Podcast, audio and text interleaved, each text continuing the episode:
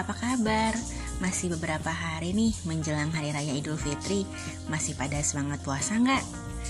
Hmm, pagi ini aku mau coba sharing sama teman-teman semua tentang buku yang aku tulis Buku ini sebenarnya memang bukan buku panduan sih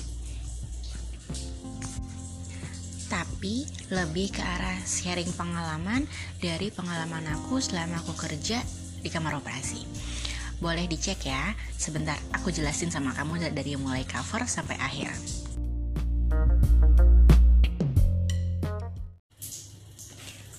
Buku ini berukuran A5, cover depannya berwarna biru dan berjudul Instrumen Bedah Jantung Pediatrik. Nah, buku ini tebelnya lebih kurang sekitar 90 sampai 100 halaman dengan kata pengantar dan lain-lainnya. Buku ini bisa kalian dapatkan di toko buku atau Google Play Books.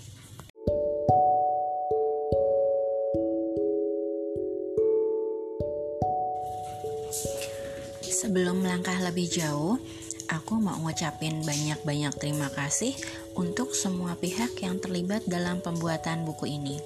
Dimulai dari kedua orang tuaku, kemudian untuk suami dan anak-anakku, karena atas mereka juga yang mengizinkan bundanya yang tercinta ini untuk meluangkan waktunya.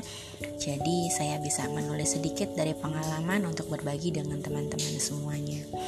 Kemudian rasa terima kasih juga saya sampaikan untuk kepala ruangan saya yang saya hormati dan saya kagumi Bapak Suyitno. Karena atas izin beliaulah saya bisa menggunakan semua instrumen yang ada di dalam ruangan untuk diambil gambarnya. Kemudian saya juga pinjam untuk setting di luar daripada jam kerja. Rasa terima kasih juga saya sampaikan untuk kakak-kakak senior dan rekan-rekan sejawat, serta pekarya dan cleaning service yang turut membantu untuk persiapan pengambilan gambar selama proses pembuatan buku ini berlangsung. Semua jasa-jasa kalian tidak akan pernah saya lupakan. Terima kasih banyak ya untuk masukan-masukannya dan opini-opininya.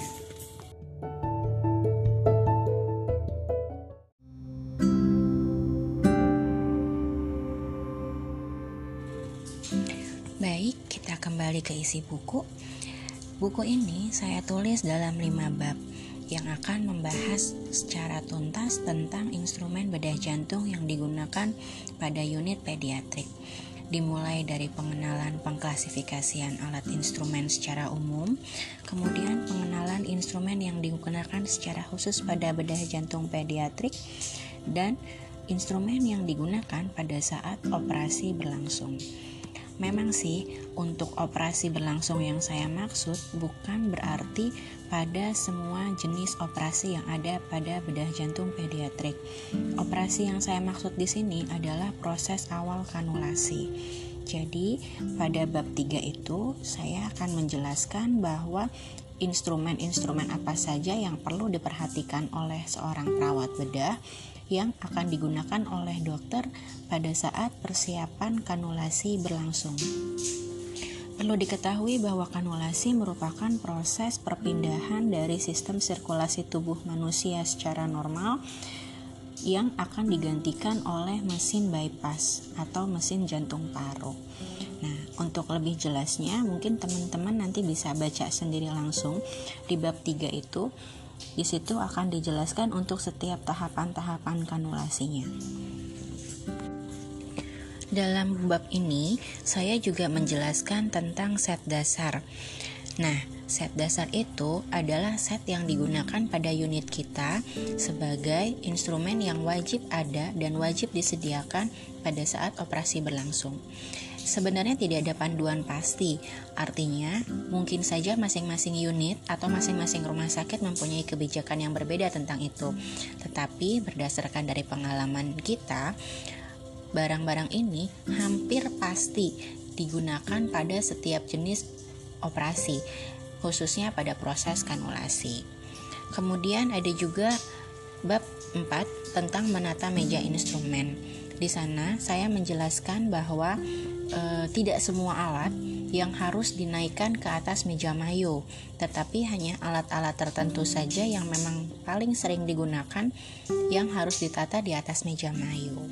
Kemudian pada akhir buku ini saya juga menjelaskan sedikit bahasan tentang eh, pemeliharaan instrumen yang termasuk dengan pencucian, pengemasan, kemudian teknik sterilisasi.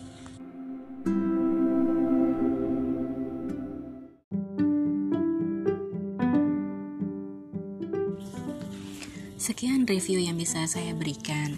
Tangan terbuka, saya menerima setiap masukan dan opini dari teman-teman semua demi perbaikan buku ini di masa yang akan datang. Besar harapan saya bahwa buku yang saya tuliskan ini dapat memberikan sedikit informasi untuk teman-teman yang baru akan memasuki dunia bedah jantung pediatrik. Akhir kata, saya undur diri. Terima kasih dan selamat pagi. Selamat beraktivitas, teman-teman.